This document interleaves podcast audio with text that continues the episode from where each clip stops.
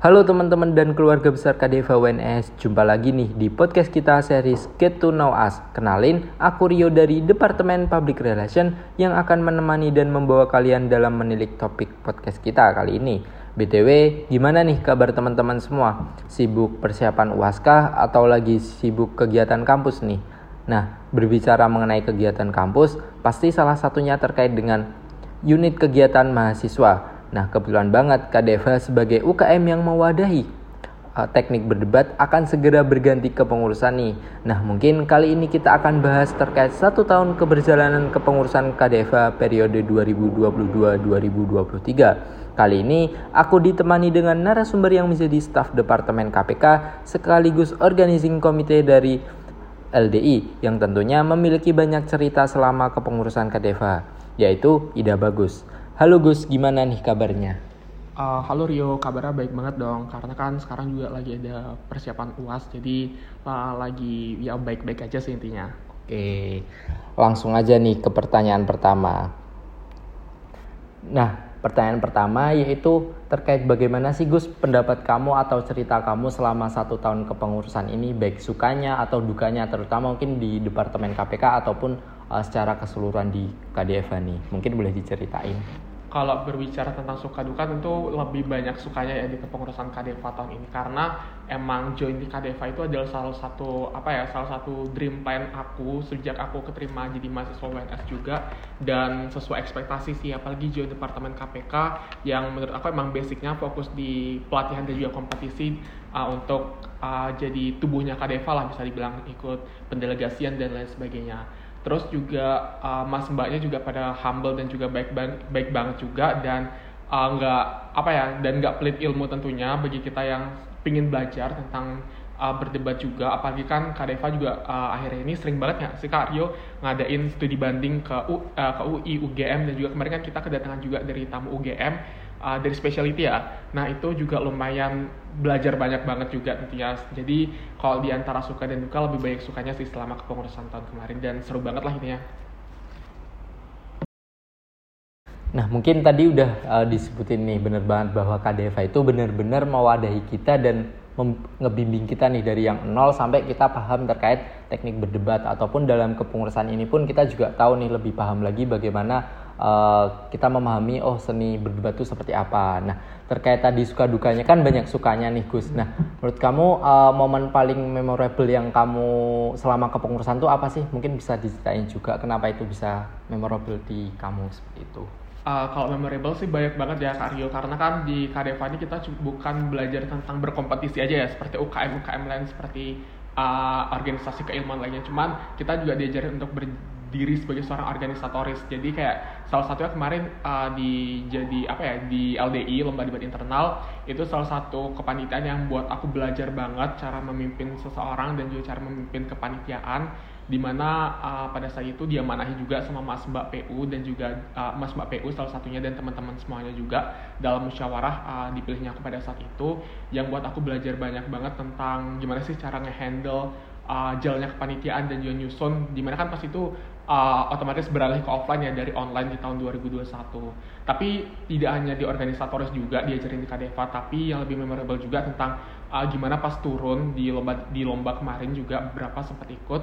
Uh, itu tuh belajar banyak banget juga tentang gimana sih cara kita ngeberkas, gimana sih cara kita belajar interupsi nih kayak misal kayak kita tahu ada Mas Sadam nih dari UI, dan itu kan udah terkenal banget kan. Nah belajar untuk uh, nginterupsi lawan, belajar untuk delivering uh, berkas kita sebaik mungkin dan juga uh, seprepare mungkin juga. Apalagi juga pas kita berkas kita ketemu sama mas mbak alumni nih yang bisa kita konsulin dan alumni Kadeva kan juga pada keren-keren banget. Jadi bisa dibilang uh, sekali mendayung dua tiga pulau terlampaui nih kayak masuk Kadeva selain belajar organis selain belajar berkompetisi kita juga belajar organisasi gitu. Oke. Nah Nah, kamu kan tadi udah ikut selama kepengurusan ini udah ya turun delegasi dua kali nih, Gus. Nah, menurut kamu apa sih yang kamu dapetin dari turun delegasi ini? Kan uh, mungkin kayak uh, bagaimana prosesnya dan sebagainya. Mungkin bisa diceritain juga nih. Kalau prosesnya sih banyak banget ya karena dari awal aku emang nggak expect kayak turun apalagi kan uh, kita tuh dipertemuin sama delegasi-delegasi keren juga dari universitas ternama. Karena kan rata-rata universitas juga punya UKM debatnya. Kayak misal UI ada ILDS ada specialty dari UGM terus ada BLF dari UB dan lain sebagainya. Dan itu salah satu hal yang buat aku challenging. Apalagi aku uh, saat itu juga pertama kali turun. Tapi kata tapi untungnya itu yang aku bilang tadi di awal mas mbak itu adalah uh, adalah orang-orang yang nggak pernah pelit sama ilmu gitu loh. Kayak mereka tuh selalu nge-handle dan nge-carry kita kayak ayo pasti bisa dan lain sebagainya. Apalagi kan kita juga ada mas mbak MKP ya. Itu tuh juga orang yang selalu nge apa ya selalu ngeyakinin kita bahwa kita memang bisa untuk tampil baik untuk mewakili KDFA gitu sih. Karena yang paling aku ingat juga uh, dari Mas Alvin Lipote pada saat itu uh, Mas Alvin Lipote selalu nge-reminder kita kalau kita tuh adalah seorang kuda hitam gitu loh. Kita tuh adalah orang yang juga ditakuti oleh lawan. Jadi uh, dari ngeberkas juga proses yang aku lalui itu adalah kita emang harus selalu pede sama berkas kita gitu sih dan hal yang selalu diajarin KDFA Nah mungkin kan tadi udah uh, kita udah tanya-tanya nih terkait kompetisinya, terkait organisasinya yang mungkin eh, orang-orang lihat nih kayak wah ini pasti kayak mikir aja nih organisasinya UKM-nya uh, eh, hanya basisnya penelitian lah, debat lah dan sebagainya. Nah mungkin kalau menurut gue sendiri uh, di luar itu kayak secara kekeluargaan gimana sih di Kadeva? Apakah juga hanya terbatas ya udah ngejalanin proker atau sebenarnya memang benar-benar terbentuk nih kekeluargaan di Kadeva?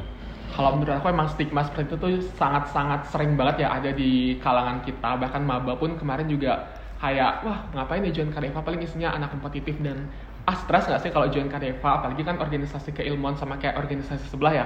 Cuman uh, stigma ini yang jadi harus kita patahkan. Karena menurut aku sendiri uh, Kadeva tuh emang sekeluarga itu gitu loh. Maksudnya kayak aku ketemu sama teman-teman uh, di luar Kadeva maksudnya kayak di luar proker kita selalu kayak saling sapa dan saling uh, saling apa ya saling merangkul gitu loh. Karena emang basicnya kita selalu uh, have fun aja gitu walaupun kita juga agak ada sepanang-sepanangnya kayak kita ngeberkas ada sepanang-sepanangnya kita kayak ngeriset itu kan Mas Rio. Apalagi ditambah kemarin uh, ada SLC juga ya kalau nggak salah teman-teman SLC yang kompetisi kan itu wah kayak mau meledak ya risetnya kayak apalagi mosi debat SLC itu emang susah parah banget hmm. tapi kalau di luar itu itu kita selalu apa ya selalu uh, asal hasil asuh lah bisa dibilang kalau bahasa Balinya kayak saling merangkul dan kita tuh nggak memandang walaupun dia itu wah dia juara nih dan sebagainya kayak kita tuh saling sama-sama belajar lah intinya kayak misal Mas Rio kan kemarin juga uh, juara di lomba sebelah dan itu tuh kita sama-sama belajar dan menurutku itu arti dari sebuah kekeluargaan yang sangat penting sih gitu sih Mas Rio.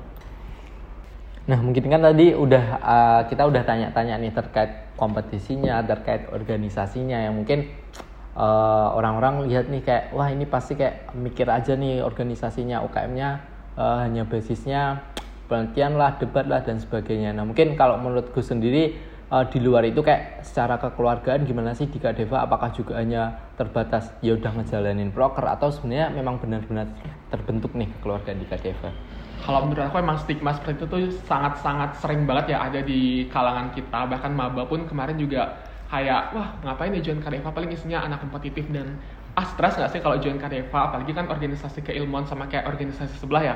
Cuman uh, stigma ini yang jadi harus kita patahkan. Karena menurut aku sendiri uh, Kadeva tuh emang sekeluarga itu gitu loh. Maksudnya kayak aku ketemu sama teman-teman uh, di luar Kadeva maksudnya kayak di luar proker kita selalu kayak saling sapa dan saling uh, saling apa ya saling merangkul gitu loh. Karena emang biasanya kita selalu uh, have fun aja gitu walaupun kita juga agak ada sepanang-sepanangnya kayak kita ngeberkas ada sepanang-sepanangnya kita kayak ngeriset itu kan Mas Rio. Apalagi ditambah kemarin uh, ada SLC juga ya kalau nggak salah teman-teman SLC yang kompetisi kan itu wah kayak mau meledak ya risetnya kayak apalagi mosi debat SLC itu emang susah parah banget. Tapi kalau di luar itu itu kita selalu apa ya selalu uh, asal hasil asuh lah bisa dibilang kalau bahasa Balinya kayak saling merangkul dan kita tuh nggak memandang walaupun dia itu wah dia juara nih dan sebagainya. Kayak kita tuh saling sama-sama belajar lah intinya. Kayak misal Mas Rio kan kemarin juga uh, juara di lomba sebelah dan itu tuh kita sama-sama belajar dan menurutku itu arti dari sebuah kekeluargaan yang sangat penting sih. Gitu sih Mas Rio.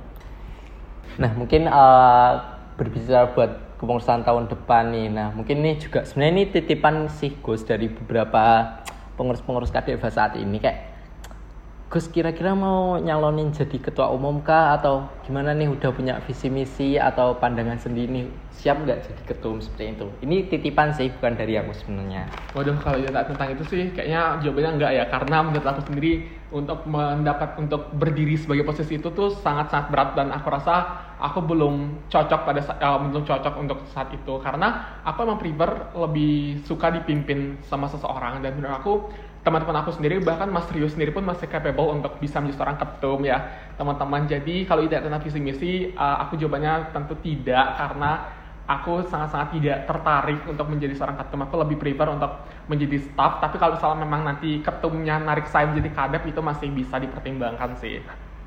Oke siap nih. Kayaknya Uh, berarti tetap semangat ya buat kepengurusan tahun depan yeah. tetap semangat. Tapi mungkin kalau ketum mungkin belum. Belum, ya karena lumayan berat ya Mas Rio. Apalagi kita ada SLC, ada proker-proker lainnya yang itu memang wah. Ya di luar nurul. Yeah. Oke, mungkin uh, nanti guys. Wah, nah mantep banget nih terkait bagaimana satu tahun kepengurusan Kadeva periode 2022-2023 uh, berjalan nih. Jadi nggak sabar nggak sih buat kayak menanti kepengurusan tahun depan mempersiapkan supaya KDV ini nanti lebih baik lagi nih. Nah, semoga juga teman-teman dari angkatan 21 ataupun angkatan 22 untuk lebih semangat lagi nih untuk uh, terlibat ataupun join dalam kepengurusan di tahun depan dan semoga aja suka duka yang uh, mena uh, yang akan dihadapi ke depannya dapat terlewati dengan baik dan dapat dilewati secara bersama-sama. Nah, oke okay, dengan ini berakhir sudah sesi podcast kali ini. Terima kasih banyak bagi teman-teman yang sudah setia mendengarkan kami. Semoga selalu dilimpahkan kebaikan serta terima kasih banyak kepada Ida Bagus yang sudah meluangkan waktunya untuk jadi narasumber podcast kami kali ini. Sampai jumpa di podcast berikutnya. Glory Victory Superior.